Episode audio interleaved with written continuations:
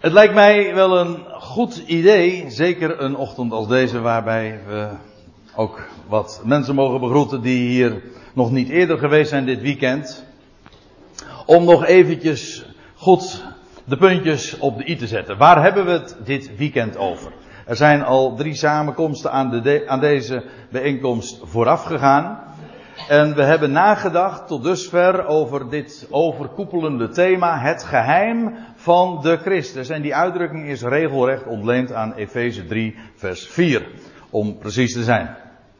Waar Paulus uiteenzet dat aan hem een openbaring is gegeven van een geheim dat in de voorgaande generaties, elders zegt hij in de tijden van de Ajonen die voor ons liggen, verzwegen is, niet geopenbaard. Hem is het ten deel gevallen, onthuld. En hij vertelt ook, dat is wel handig, wat dat geheim is. Hij mag dat bekendmaken. Hij heeft dat niet alleen destijds verteld, maar God zij dank ook opgetekend. En we hebben dat allemaal kant en klaar in de schriften opgetekend. En we kunnen ons, en ik citeer de apostel uit Efeze 3, we kunnen ons bij het lezen een voorstelling vormen, een begrip vormen van zijn inzicht in het geheim van de Christus.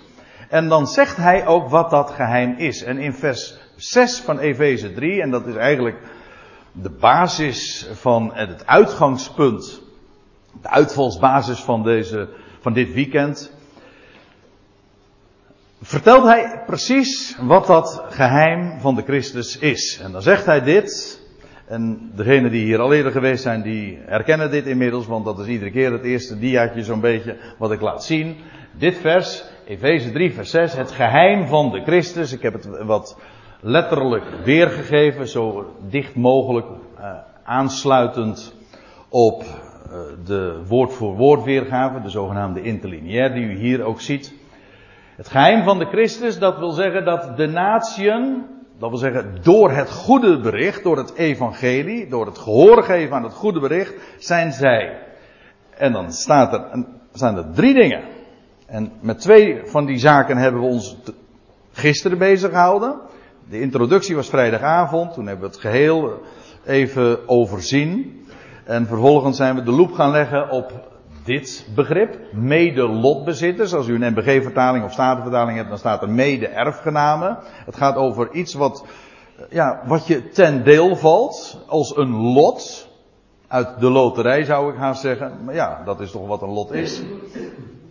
Het valt je toe.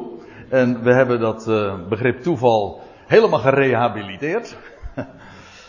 Want wij hebben misschien als gelovigen dan toch de neiging van, ja, en dat is logisch, dat is ook graag iets wat ik altijd naar voren breng. We hebben een God. En er gaat nooit iets mis bij hem. Alles in de hand.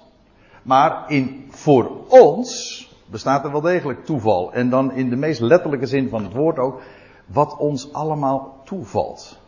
Gewoon dat wat hij beschikt, waar we geen invloed op hebben, we krijgen het zomaar. Trouwens, dat geldt voor de belangrijkste dingen in het leven, niet waar? Over als ik bedoel, ook gewoon op aardsniveau is het zo, als het gaat om de allerbelangrijkste dingen, daar heb je meestal helemaal niks over te zeggen. Het loutere feit dat u er bent, dat is niet omdat u ervoor gevraagd bent of zo. Of dat je een jongetje of een meisje al zodanig ter wereld kwam, is niet aan u gevraagd. Het valt je allemaal ten deel. Maar waar het in Efeze 3 dan over gaat, wat ons ten deel valt, door dat evangelie, door dat goede bericht, en die boodschap die nu wereldwijd gaat en met voorbijzien ook van het volk Israël, ook dat zijn dingen waar we het over gehad hebben. In deze tussentijd, in deze tussenbedeling, in deze pauze, waar Israël tijdelijk terzijde staat, gaat de boodschap van genade, het beheer van genade, tot de volkeren en die zijn mede lotbezitters. En wat we hebben gezien is dat wij mede lotbezitters, of zo u wilt, mede erfgenamen zijn geworden. Ja, tezamen. Maar dat niet alleen, niet alleen samen als natieën, als degene die geloven in dat goede bericht, zijn wij lotbezitters, mede lotbezitters geworden van elkaar. Maar we zijn bovenal lotbezitters geworden, mede lotbezitters van Hem. Of zoals dat staat in Romeinen 8, vers 17, ook dat hebben we gisterochtend gezien. We zijn erfgenamen van God, lotbezitters van Gods wegen en mede-erfgenamen van Christus. Dat wil zeggen, wij delen de erfenis met Hem. En dat is een gigantische erfenis, wat zeg ik? Een alomvattende erfenis. Want Hem is het al gegeven. Dat hebben we gisteren gezien, Efeze 1. Het al is hemel en aarde. Dat is ons deel, ons domein, dat is ons gegeven. En in hem hebben wij dat deel ook gekregen. Ook dat zagen we in Efeze 1. Nou, ik wil er niet te lang bij stilstaan, want uh, ik wil uh, bij die vetgedrukte woorden aankomen. Gisteravond hebben we ons bezig gehouden met die tweede uitdrukking, mede-ingelijfde.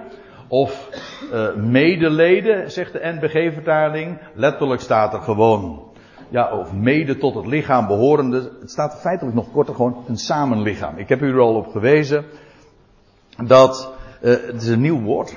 Paulus geeft daarbij uitdrukking aan een begrip dat niet voorradig was. Een woord bestaat helemaal niet. Je kunt het niet vinden in de woordenboeken en dergelijke. Alleen Paulus gebruikt het hier. Om daarmee uitdrukking te geven aan een unieke zaak. Wij zijn tezamen één lichaam. Niet met Israël geworden. We zijn niet ingelijfd bij Israël. Nee, we zijn ingelijfd bij Christus. Dat is dat unieke ook van die term, het lichaam van Christus. Hij is het hoofd, wij zijn het lichaam en wij delen zijn lot. Dat wat hij ontvangt, dat ontvangen wij. Wij zijn zijn aanvulling, zijn complement. Niet compliment, maar complement. Zijn aanvulling. Wij vullen hem aan. Nog anders gezegd, hij is niet compleet dat is de negatieve manier van formuleren. Ik zeg het exact hetzelfde dan. Hij is niet compleet zonder ons. Zoals mijn hoofd niet compleet is zonder lichaam. Die eenheid. Dat is onvoorstelbaar. We hebben het ook, uh, nou ja, zo uh, vanuit de schrift ook uh, bezien. Uit de brieven, met name de Efezebrief. Dat is toch wel het, de brief die met name dit weekend dan toch uh, geopend wordt. Logische reis. En dan komen we bij deze derde uitdrukking. Wat is dat geheim van de Christus? Wel, dat de Christus maar niet één iemand is. Nee, het is een volk, een gezelschap. Hoofd en lichaam. En hier staat dan mededeelhebbers of samendeelhebbers of medegenoten. Maar welke term je daarvoor ook kiest, je komt toch bij dezelfde gedachte uit. Wij hebben deel gekregen, of ja, we hebben mede deel gekregen als natieën. Ongeacht wie, daarbij is geen onderscheid tussen Jood en Griek, welke achtergrond je ook hebt. De muur trouwens, die ertussen stond, die is de wet der geboden in inzettingen bestaande, weet u wel, die was teniet gedaan, speelt geen rol. Er is een e, we zijn één gemaakt. En wij hebben tezamen deel gekregen aan, aan de belofte, of het beloofd. Het gaat hier niet over één specifieke belofte in de schrift, maar dat wat beloofd is, het beloofde in Christus Jezus. En dat komt erop neer, en dat is onvoorstelbaar als je dat op je laat inwerken. Dat wat aan Christus Jezus beloofd is, dat is ook ons deel. Daar hebben wij deel aan gekregen. En dat gaat heel ver. En heel hoog vooral ook. Dat wil ik met name nu ook vanmorgen laten zien. We zijn mededeelhebbers van het beloofde in Christus Jezus. En ja, wat dat inhoudt, nou laten we eens terugbladeren in die Efezebrief, want nu gaan we van Efeze 3 naar Efeze 2 toe. En dan begin ik te lezen in vers 4.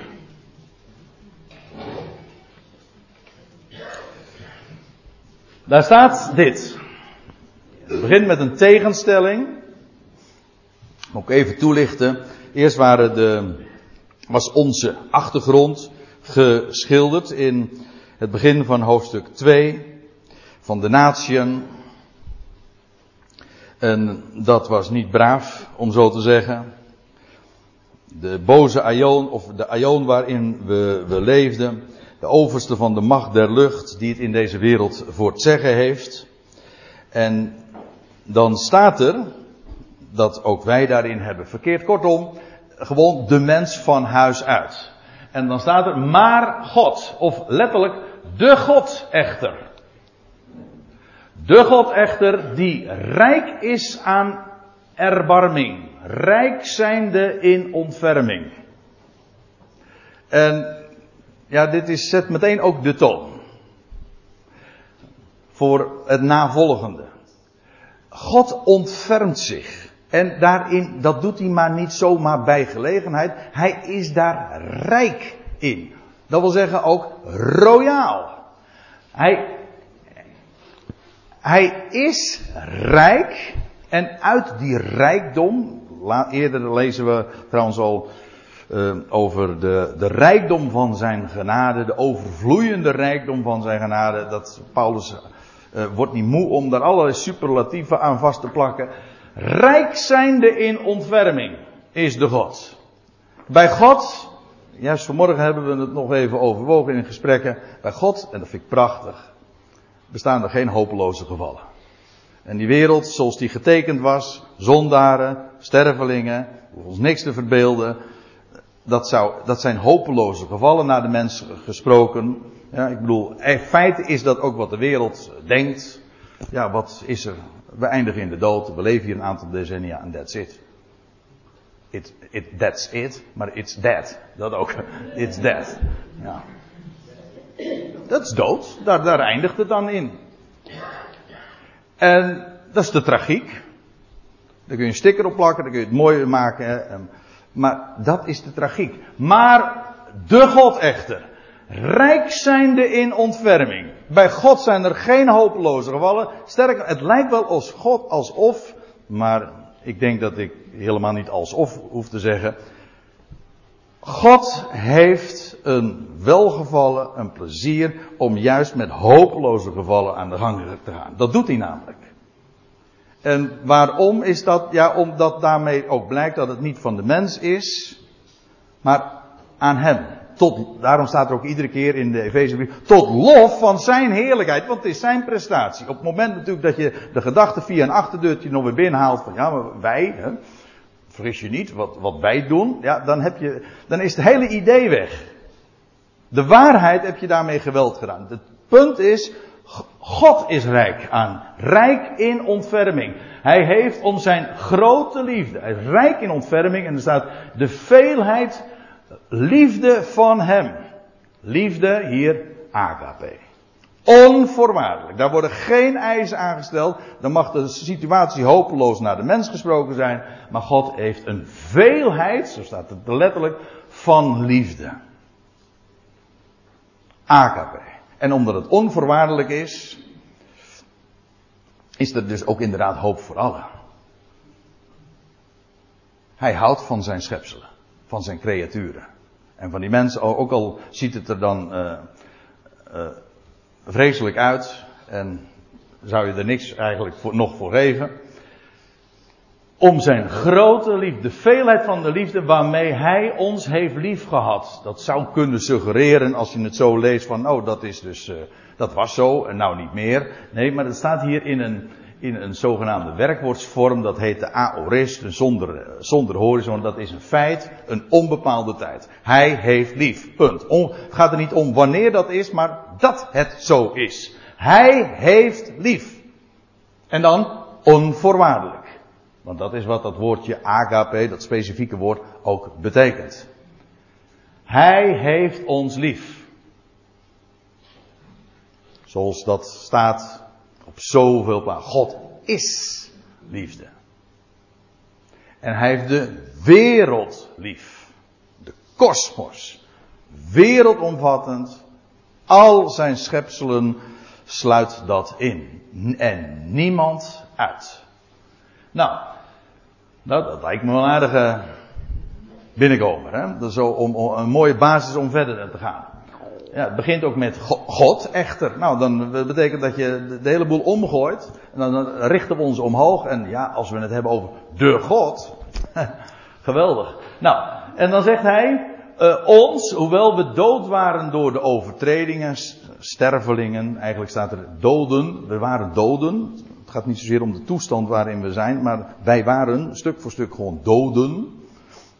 Met de dood in de schoenen vanwege al die misstappen of de overtredingen. Ik ga er nu even voorbij. Het, tekent in elk geval, naar de mens gesproken, de hopeloze situatie. Ik hoop dat dat duidelijk is.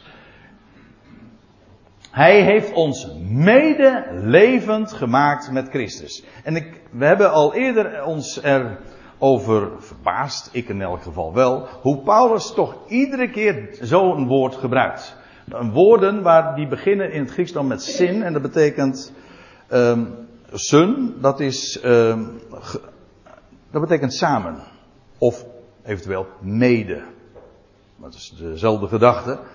En en hier zegt hij, hij heeft ons mede levend gemaakt, samen dus met de Christus.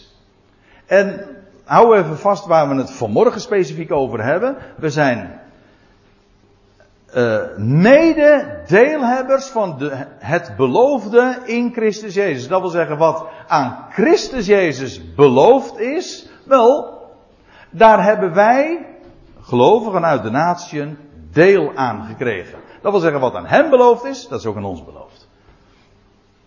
Dus als daar de belofte is van Christus levendmaking, en als ik het heb over de belofte, dan, dan doel ik daarmee ook gewoon ook aan dat wat beloofd is, tevoren. Hè, uiteraard, je belooft iets altijd van tevoren. Wel, wanneer is dat dan beloofd? Nou, ik zou zeggen, lees de schriften in het Oude Testament, wat wij dan het Oude Testament noemen, zo wilt, de Hebreeuwse Bijbel, daar staat de Christus aangekondigd. En ook wat er met de Christus zou gebeuren. En dat hij zou opstaan. Ja, niet alleen dat hij zou sterven. Trouwens, dat, daar gaan we nu dit weekend zelfs nog helemaal aan voorbij. Er staat ook dat de Christus zou sterven. Wel, we zijn ook met hem, samen met hem, gestorven. Nou ja. Maar hier, dan vervolgens, nou u begrijpt dat als de situatie, als, de, als daar de dood is, ja, dan, dan kun je niet veel meer. Hè? Je kunt van iemand die in leven is nog het een en ander vragen en verwachten. Maar iemand die dood is, ja, die is geheel afhankelijk van. Wel, hij heeft ons mede levend gemaakt met de Christus. Dus als er in, bijvoorbeeld in de psalmen staat dat hij de Christus zou levend maken, en dat staat in Psalm 2, in Psalm 16, nou noem maar op. Heel veel, heel veel psalmen, maar zoveel andere schriftplaatsen. Wel, als, dat daar, als daar gesproken wordt over de Christus, dan is dat maar niet één iemand, maar daar heeft een volk, een ecclesia, deel aan gekregen. Mede deel aan gekregen. En dan staat er ook nog bij, tussen haakjes bij, en dat later, een paar versen later wordt dat nog wat nader toegelicht door Paulus, maar hier zegt hij alvast, ja, hij moet het er even tussen roepen, door genade, of letterlijk, in genade zijn jullie geredden. In genade, dat wil zeggen, het is vreugde, want dat is wat charis, het Griekse woord, betekent. Het is vreugde om niet. Je krijgt dat. En dat lijkt me vrij logisch als je dood bent en je wordt levend gemaakt. Dat is, je krijgt leven, maar dan ook werkelijk leven. Niet je wordt teruggehaald naar het sterfelijke bestaan. Want feitelijk schiet je daar niet veel mee op, want dan moet je alsnog doodgaan. Nee, je krijgt leven. Wat wij hier leven noemen, ik zeg het heel vaak en ik. Uh, ja, gewoon omdat dat een, een waarheid is die zo, zich, vaak, zo, zich zo vaak uh, aan je opdringt als je het Nieuwe Testament uh, leest. Dit is geen leven. Wat wij hier op aarde leven noemen is geen leven, het is sterven. Leven, dat is er aan de andere kant van het graf, dat eindeloos is, dat de dood achter zich heeft. Wel, dat heeft Christus aan het licht gebracht. Hij is de eersteling. En in dat leven delen wij. Hij heeft ons mede opgewekt. Dat lijkt erg op dat levend gemaakt. Dat is niet helemaal hetzelfde moet het zo vergelijken. Vind ik de beste manier. Omdat uh, je levend maken wil zeggen, je ontvangt leven. Dat lijkt me vrij duidelijk. Het, wordt, het is ook synoniem met ontwaken. En denk dan eventjes aan mede opgewekt. Je, vanmorgen om acht uur ging hier de bel. Dan ontwaak je. Ontwaakt gij die slaapt, dat is levendmaking. Je was dood en dan word je levend gemaakt. Dan word je gewekt. ont, hè? En dan vervolgens, dat duurt vaak nog wel eventjes, sta je op. Hm? Dat, dat is het verschil. Je ontwaakt en je staat op. Wel, hier wordt er gesproken over levend gemaakt met Christus. Hij geeft leven en vervolgens doet hij ons opstaan. Hij heeft ons mede opgewekt. Ik moet er weer even op wijzen dat hier heel vaak in die, waar ik het zojuist even over had, die aoristvorm gesproken wordt. Dat wil zeggen, iedere keer gaat het erom, het, is, het feit wordt gesteld. Het gaat er niet zozeer om, hij heeft ons mede opgewekt. Nee, hij wekt ons mede op. Dat is gewoon het feit dat gesteld wordt. Christus stierf en hij, hij werd levend gemaakt. Wij worden levend gemaakt met hem. Dat is onze positie. En daadwerkelijk zullen we dat ook beleven. Maar nu reeds is het feit staat gewoon. En daarop bouwen wij ons leven. Daaruit leven wij. Ja. Hij heeft ons mede opgewekt. Dus dat wil zeggen, we zijn ook deelhebbers aan de belofte van Christus opwekking. En, daar blijft het nog niet bij, en heeft ons mede een plaats gegeven in de hemelse gewest in Christus Jezus. Maar ook hier weer dat mede. Iedere keer Christus stierf, wij stierven met hem. Christus werd levend gemaakt, wij werden levend gemaakt met hem. Christus werd opgewekt, wij werden levend gemaakt uh, en mede opgewekt met hem. Iedere keer die waarheid. Dat wat aan Christus beloofd was en gerealiseerd werd, wordt, of zal worden, dat is ons lot ook. Mooi eh, woord, ons lot, onze bestemming, maar ook in de zin van het valt ons ten deel. Zo heeft God dat gedacht. Dat is zijn voornemen. Hij heeft ons mede een plaats gegeven en nu, ja, nu gaan we ons eh, echt op de, laten we ons op de hoogte stellen. Dit is al gigantisch. Vanuit de dood in het leven. Echt leven. Maar dan, vervolgens, hij heeft ons mede een plaats gegeven. Eh, dat is trouwens niet helemaal correct uh, weergegeven. Het is, niet zozeer, het is niet alleen maar een plaats gegeven. Er staat letterlijk, hij doet ons samen zitten. Hij zet ons. Het, eh, het idee is dus echt van zitten. En we hebben er gisteren al even bij stilgestaan, naar aanleiding van Efeze 1, dat Christus aan Gods rechterhand is geplaatst. En dat is een belofte ook weer uit het Oude Testament. En we hebben het al gezien, Psalm 110, waar David al profeteert over de Messias. Zet u aan mijn, dan zegt God, zet u aan mijn rechterhand, totdat ik uw vijanden gesteld heb voor een, tot een rechtbank, pardon, tot een voetbank voor uw voeten. Wel, de huidige positie van Christus is vandaag aan Gods rechterhand. Daar is Hij. Maar vergis u niet, en we zagen het gisteren al in Efeze 1, maar nu zien we het hier weer in Efeze 2. Dus mocht je de draad kwijtgeraakt zijn, dan pak je hem gewoon hier weer op en dan ontgaat de gedachte je alsnog niet. Ik bedoel dan, het is zo duidelijk zoals Paulus het naar voren brengt. Hij heeft ons mede doen zitten. Christus zit daar en, en wij ook. Ook hier weer, het gaat er niet om dat het gebeurd is of zo gebeurd. Het feit wordt gesteld. Dat is het punt. Zo zegt hij het. Sa hij zit daar en wij ook. Met andere woorden, de belofte in Psalm 110, als er staat dat de Messias aan Gods rechterhand gaat zitten, is maar niet er voor één iemand. Het is voor een heel volk. De Ecclesia.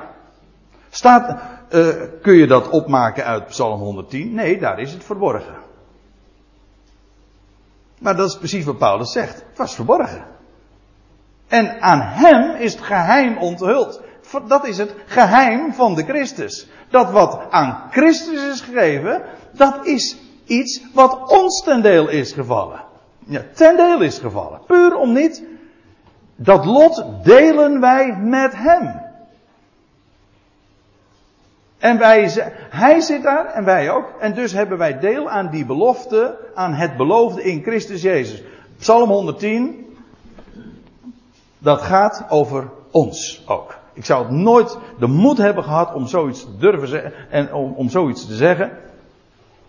Maar het is het onderwijs van Paulus. Het is aan hem onthuld dat geheim. Het geheim van de Christus, dat wij daarin deel hebben. Hij heeft ons mede een plaats gegeven, beter, hij, heeft, hij doet ons samen zitten, samen met elkaar, maar vooral samen met hem, daar in de hemelse gewesten. We hebben die uitdrukking al vaker gezien, nou, gisterochtend geloof ik. Letterlijk staat het te midden van de hemelsen. De hemelse plaatsen, de hemelse personen, de hemelse machten, maar te midden van de hemelsen. Daar. Nou, daar. Waar is Christus nu? Daar. Waar zijn wij? Daar. Daar rekent God ons. En je zou haast kunnen zeggen dus dat wat wij hier zien, dat is, nou dat is onze beleving, maar zo ziet God dat niet. God rekent ons met Hem. Dat is onze bestemming. En ja, dat, ik zou haast zeggen van dat wat we hier zien, dat is gewoon nog voor en bonen. Hm?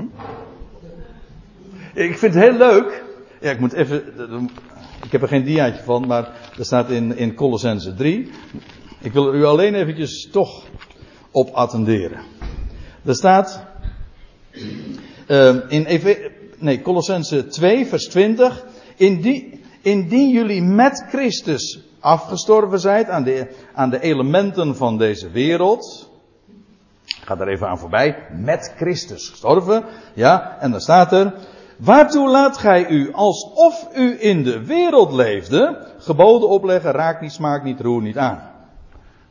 Het gaat net om die uitdrukking, alsof jullie in de wereld leefden.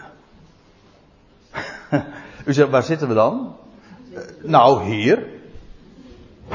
Colossense 2 vers 20. Ja. Met andere woorden, nee, het idee is juist, ons leven is met Christus verborgen bij God. Daar zijn we. Daar is ons leven. En hier, ja, nou ja, uh, dat is maar alsof. Voor, Paulus zegt in Galaten 2, voor zover ik dan nog leef in het vlees, nou dan leven we door het geloof van de Zoon van God die ons lief heeft.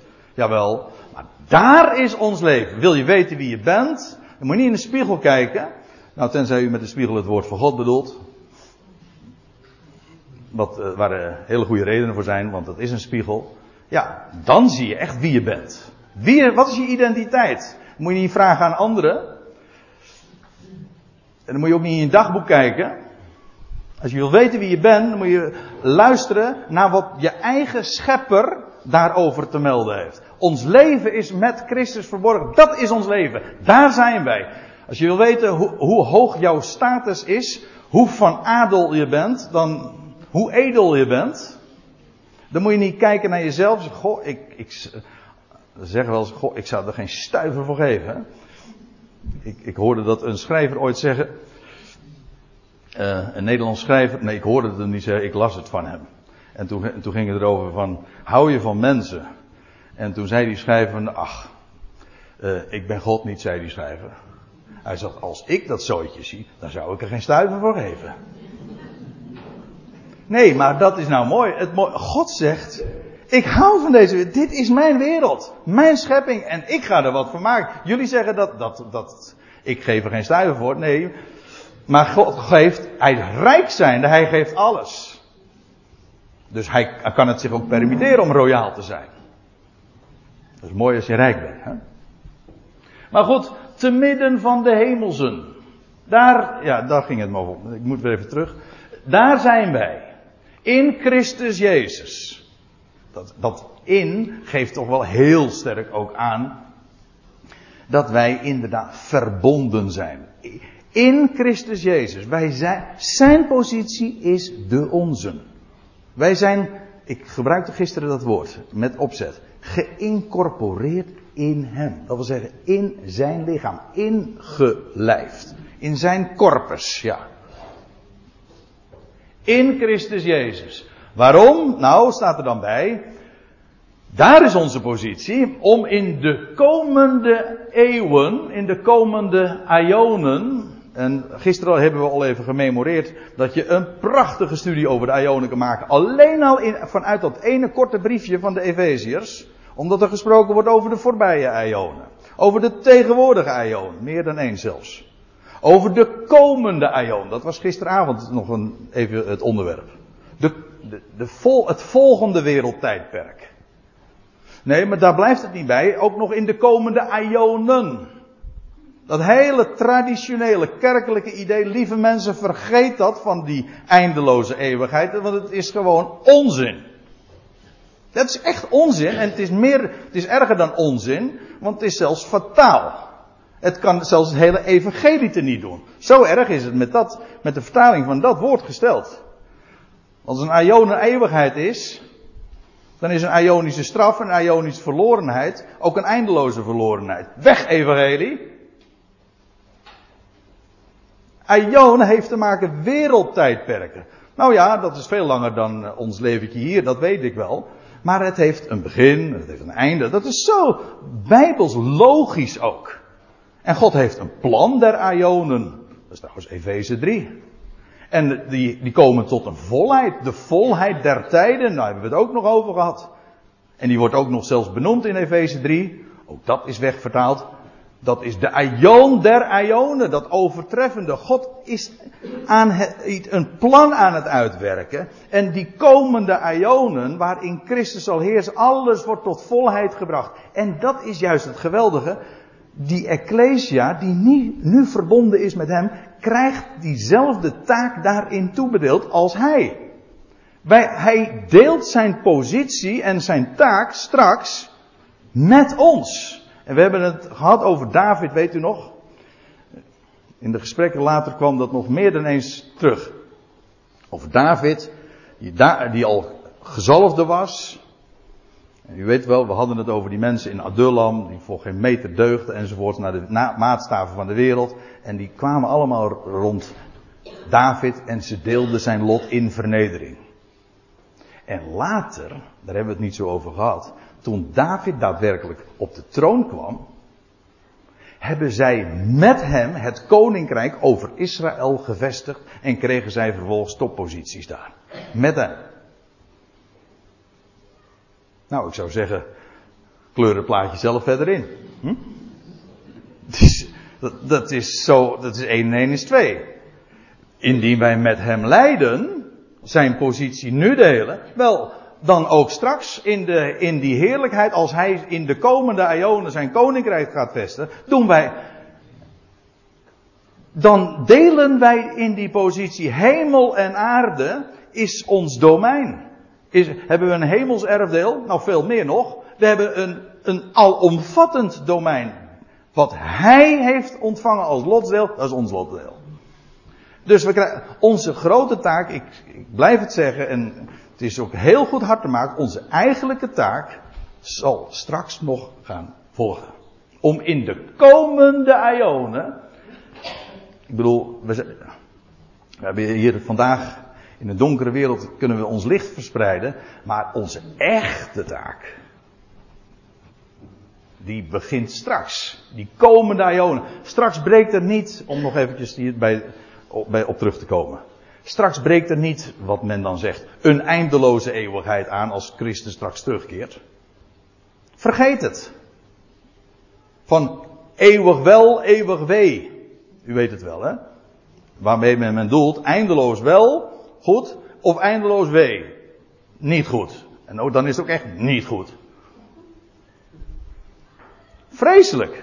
Nee, bij zijn terugkeer breekt niet een eindeloze eeuwigheid aan, maar beginnen er geweldige ionen waarin het koninkrijk van Christus gevestigd zal worden. En alles tot volheid gebracht gaat worden. En God verzamelt zich vandaag een volk die hij de positie geeft samen met zijn zoon om die taak uit te oefenen. Hoofd en lichaam. En dus die taak ja, die gaan we straks in de komende ionen, niet alleen maar in de toekomende ion, maar in de komende ionen uitoefenen. Er staat er om in de komende ionen de overweldigende rijkdom van zijn genade, letterlijk de overtreffende rijkdom van de genade van hem. Heb je het weer, die rijkdom? Overtreffende rijkdom van de genade van hem gaat hij tonen. En dat tonen, dat is dus echt te, te betonen in de zin ook van, in het Engels zeggen ze to show. laten zien. Dat zal, vandaag valt er niks te zien.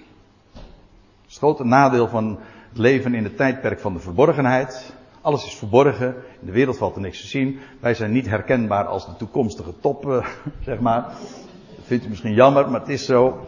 Maar op die positie delen wij met Christus, want uh, ja. Hè? Maar wij weten beter. En, dat en wie het laatst lacht, die weet het hè.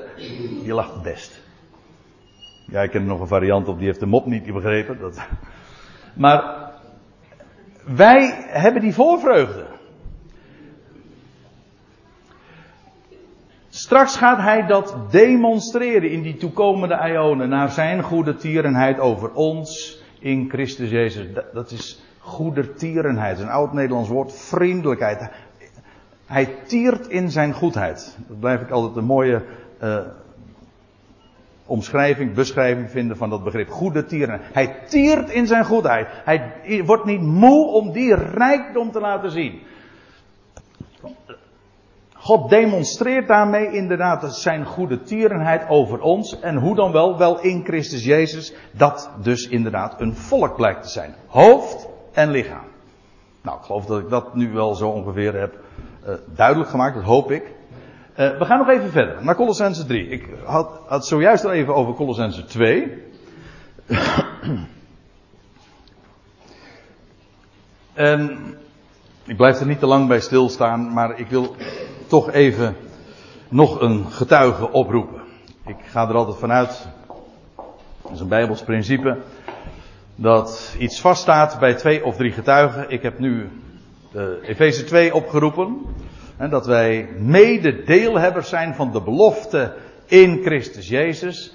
Ja, en in, er zijn nogal wel andere getuigen, had ik ook kunnen roepen, maar even Colossense 3. Dat is een hele mooie.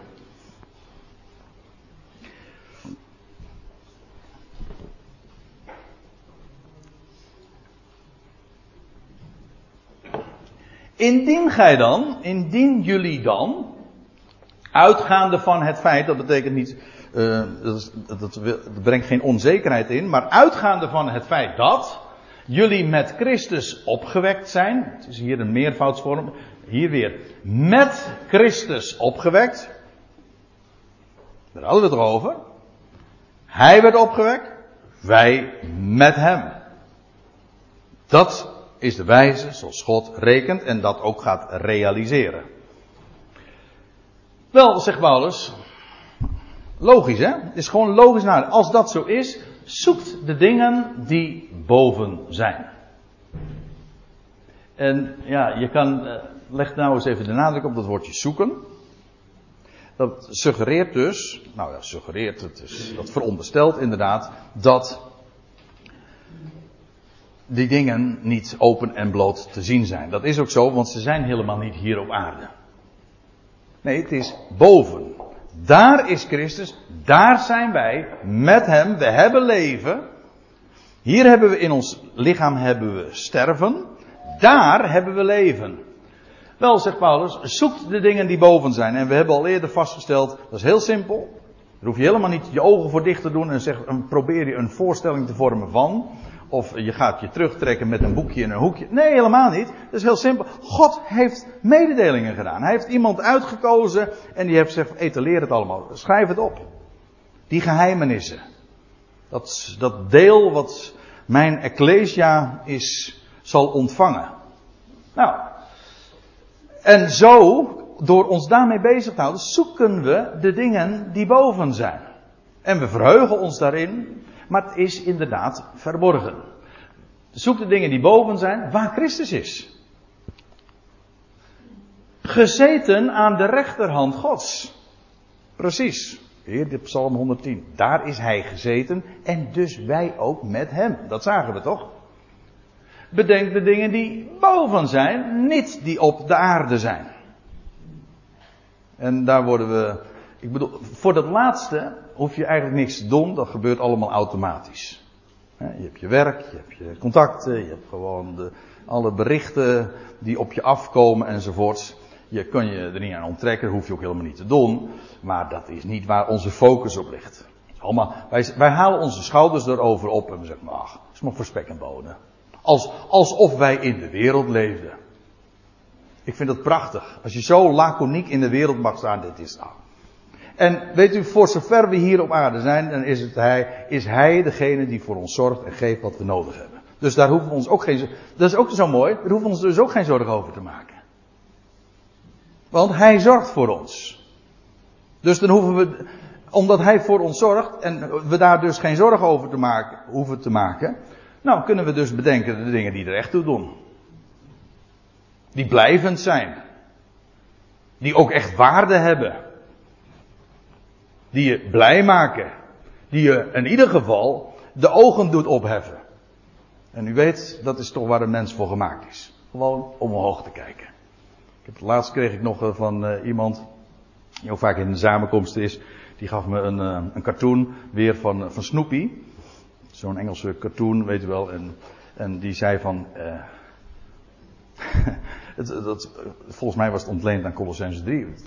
Lijkt wel zo. Maar in ieder geval, ik, uh, ik, voel me veel beter wanneer ik omhoog kijk. Dat zegt elk mens. U weet, als je je hoofd laat zakken, dat wist Ramses Shaffi al, Ramses Shaffi. Kijk omhoog, Sammy. Want daar is de blauwe lucht. Daar, moet je naartoe kijken. Elk mens weet het, maar, maar waarom eigenlijk? Nou, in de wereld weten ze dat niet. Ja, daarboven is het allemaal zo leeg, denken ze. Nee, daar is God. Nou zie je, daar is Christus Jezus. Moet je het wel weten natuurlijk dat hij daar ook is. Maar goed, dat is het grote voordeel. Wij zijn op de hoogte gebracht. Bedenk de dingen die boven zijn, niet die op de aarde zijn. Want, staat er, uh, jullie zijn gestorven. Zo rekent God. Kijk, als wij verbonden zijn met Christus, als we zijn positie delen en hij is gestorven, wel, dan zijn wij ook met hem gestorven. Is dat moeilijk? Nee, dat is toch simpel? En uw leven, waar is ons leven? Hier op aarde? Nee, dat lijkt maar zo. Dat lijkt maar zo, ja.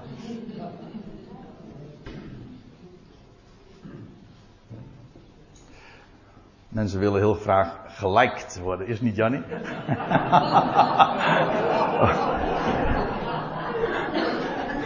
Oh jee.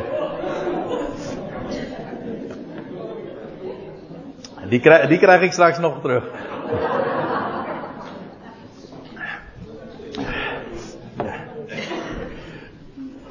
Nee, Jan, ik zal even, dit moet ik even toelichten. Jannie zit op, uh, uh, op Facebook. Zij zegt geen Facebook, maar ze zegt altijd Gracebook. En elke dag schrijft, uh, toont ze de genade. En dat is geweldig. Ga vooral door, Jannie. Maak ons blij. Laat ons omhoog kijken. En ik lijk het graag. Um, ja. Oh ja, waar is ons leven? En uw leven is verborgen. Valt niks te zien. Het is zo belangrijk om dat te, te onderkennen.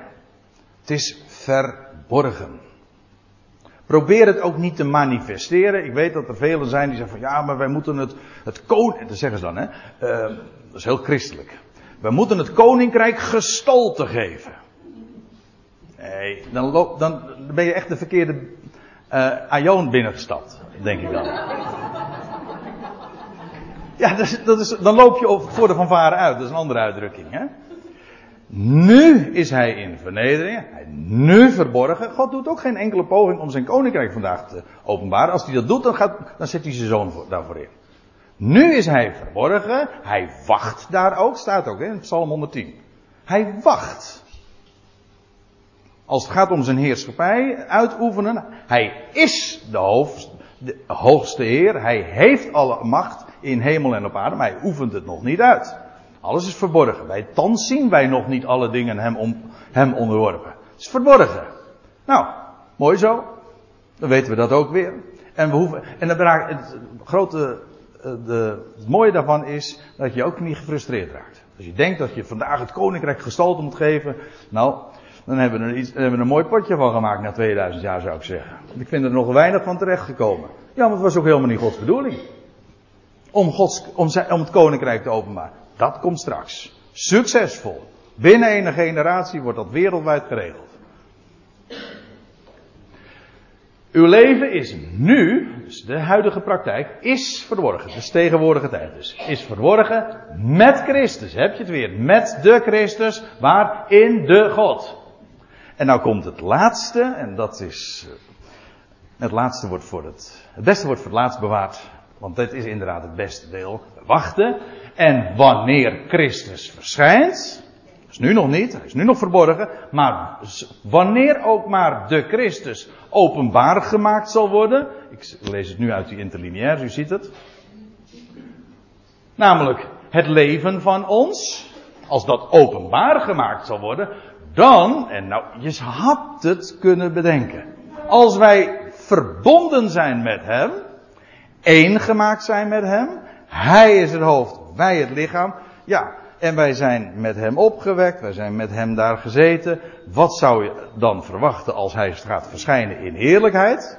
Nou, dat zegt maar. Dan zullen jullie ook met hem verschijnen in heerlijkheid. Dus als Christus straks gaat zijn heerlijkheid openbaar zal worden, dan zal hij manifest worden, zichtbaar worden met zijn ecclesia, zijn lichaam. En trouwens, dat vind je ook al in het Oude Testament, dat hij zal verschijnen met alle heiligen met hem. Als je daar in Zacharia bijvoorbeeld het leest, dan weet je, wie, over wie gaat het daar eigenlijk? Dat is verborgen. Ik weet het inmiddels wel. Op de hoogte gebracht door Paulus. Dan zullen jullie ook met hem verschijnen in heerlijkheid. Met andere woorden, die belofte van Christus verschijning in heerlijkheid. Hoeveel wil u er hebben waar dat genoemd wordt? Wel, wij hebben daar deel aan gekregen. Wij zijn deelhebbers van de belofte in Christus Jezus. En dat is, dat werkt in alle opzichten. Nu en in de toekomst. En ja, dat geweldige deel, dat, uh, daar kijken we naar uit. En dan gaan die toekomende ionen aanbreken. En dan gaat alles tot volheid gebracht worden. En er komt een moment dat alles tot volheid gebracht is. En alles ondergeschikt zal zijn. En zodanig zelfs dat ook de dood er niet meer zal zijn. En als de laatste vijand er niet gedaan is, dan, is de, dan worden alle mensen levend gemaakt. En weet u wat dat betekent? Dan is er geen dood meer. De. Als allen levend gemaakt zijn, dan is er geen dood meer. Precies. Zo doet hij de dood er niet. Door allen levend te maken. Nou, en dan is, dan is het volbracht. Opnieuw. Alles is dan klaar. En dan zal hij het koninkrijk, een volmaakt koninkrijk, aan zijn God en Vader teruggeven. En dan wordt het inderdaad God alles in allen. Maar dat, dat duurt nog een hele tijd, want er gaan eerst nog ionen aan vooraf, waarin we die geweldige taak krijgen. Maar wij zullen met hem verschijnen in heerlijkheid. Ik stel voor dat we daar een lied over gaan zingen.